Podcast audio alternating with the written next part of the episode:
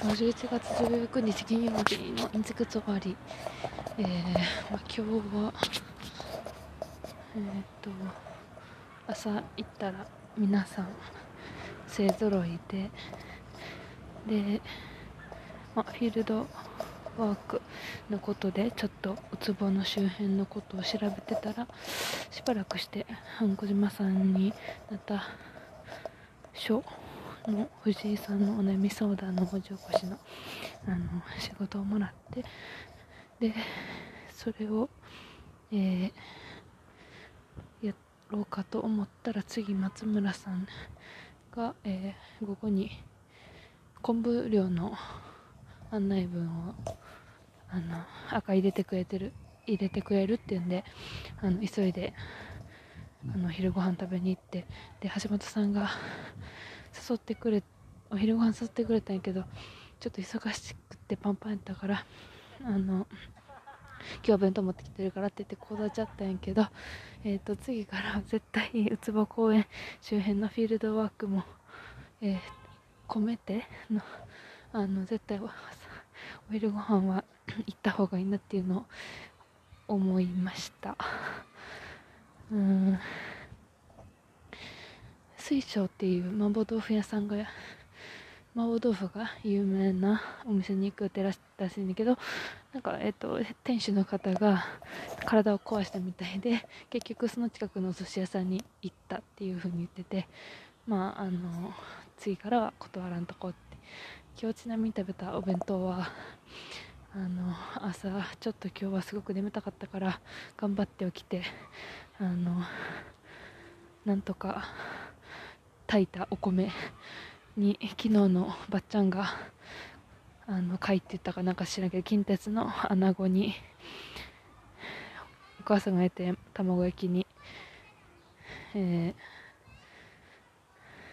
きゅうりのきゅうちゃんに昆布の昆布をのっけてまあ結構美味しく美味しかったけどでまあそんな感じで。でえー、っと小島さんの方にもナタ賞のやつ途中まででいってたからそれ送って、えーまあ、松村さんにも日報を送ってでその日報をなんかはるかは怒らんのすごく気が収まらんというか、えー、と不安になるからいつも送ってるんやけどうん。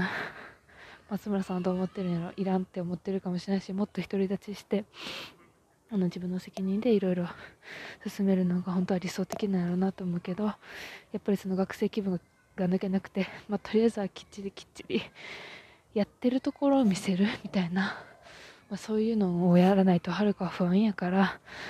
うんやってるんかな。それもかっこ悪いなっていうのも思うんやけどまあうん、本当はそういうのなしで自分で例えば、うん、友好関係を違うところで広げたりとか言われたことだけをやるっていうのじゃないことを今してるからなんかそこの意識はほんまにえっとなんか勘違いしたらあかんなっていうか、えー、常にこう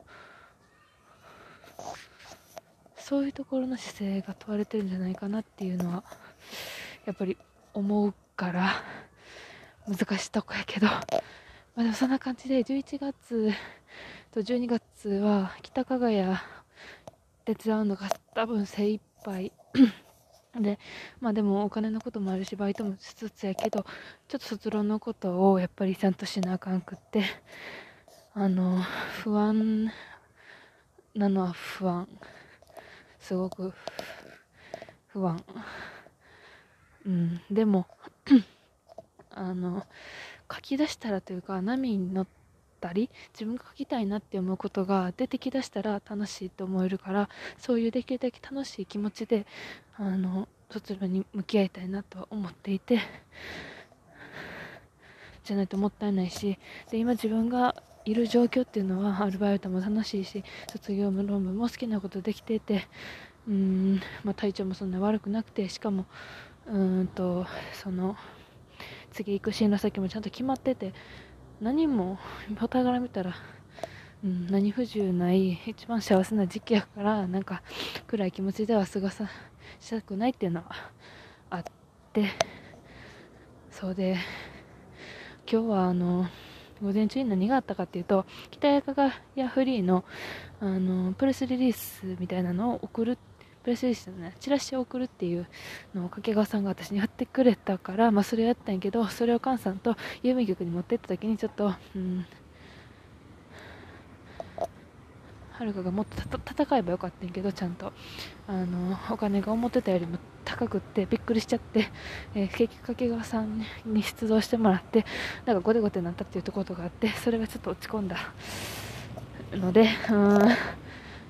あの、まあ、次からは次、うん領事館みたいな感じでやっぱりああいうとこうるたえたらあかんし、まあ、ちょっと今日あたふたしちゃっていろんなあのちょっと巻き込んじゃったなっていうのが反省。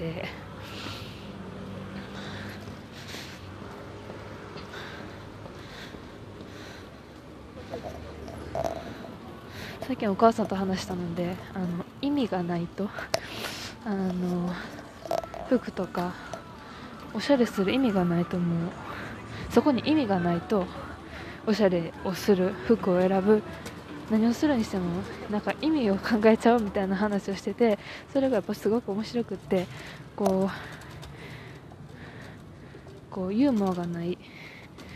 こととかあの褒めない時にナンセンスって言うけどセンスがないっていうのはあのだから意味がないっていうのはそれだけでこうあのしょうもないっていうかあの魅力的ではないみたいな意味になるっていうのが今日そのまた小の、えー、と文字起こしをしててなんかその言葉が出てきた時にそのお母さんとの会話を思い出してなんか意味があるっていうのは面白いことやなと。でその今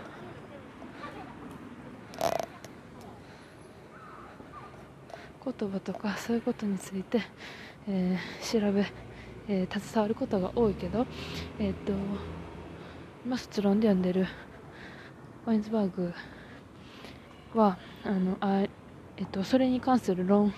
文の本「えー、A New Book of the Grotesque」っていうあのケント大学の論文でそのワインズバーグは、まあ、モダニズムの文学やってるのででそこにはあの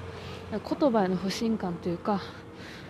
うん、まあ、そういったものがあってそれで、えー、まあ、言葉に頼りすぎることを嫌うというか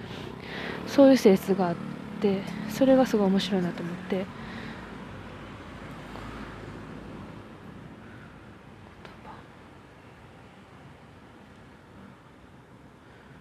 言葉を使うとか？意味のを考えるとかってうん。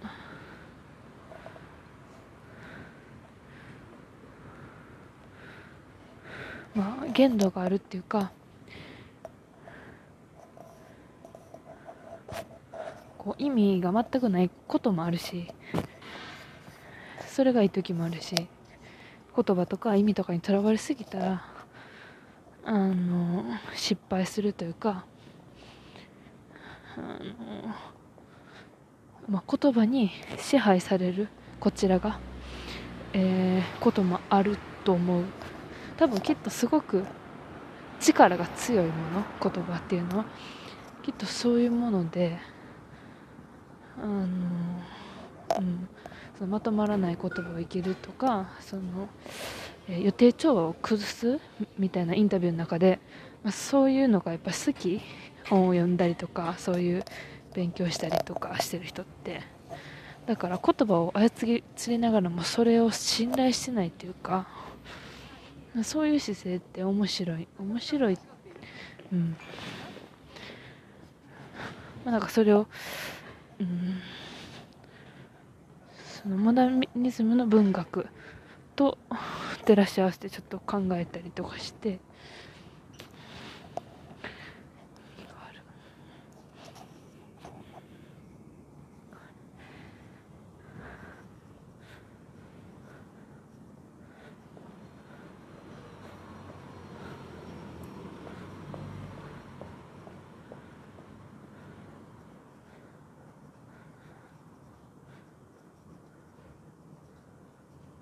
あそう。でなんかお悩み相談で最後名前自分の名前にしっくりこない人がいるっていう話があった時に、まあ、家父長制とか夫婦別姓のトピックとかも上がってたんやけどあの藤井さんが芸名のことを急に上げ出してそこがすごい軽やかで、うん、気持ちいいなって思ったところやねんけど別にそうそんな名前なんて後からついてくるものやみたいなのがよくって意味なんてなくていいっていうこと？すなわち。あのそれをみんなが認識して使ってそれが名前になっていくみたいな。だから自分のものじゃない、うん、なんか相手にもその、うん、だから名前をつける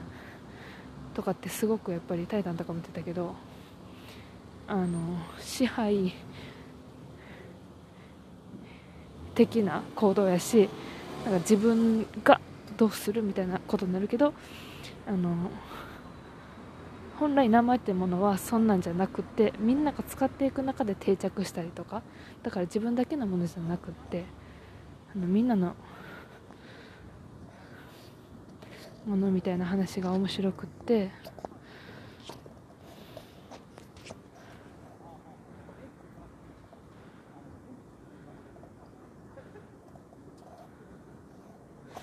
なんかそうあの自分も名前がたくさん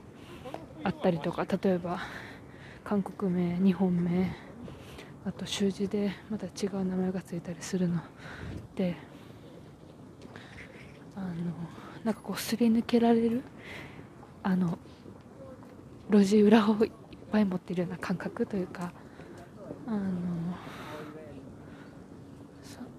まあ、名前とそれが表す中身との関係って面白いなと思ってそこからこう離れてる時もあるし例えばその気に入っている喫茶店の名前を実は知らんと何十年も通ってたみたいなこともある。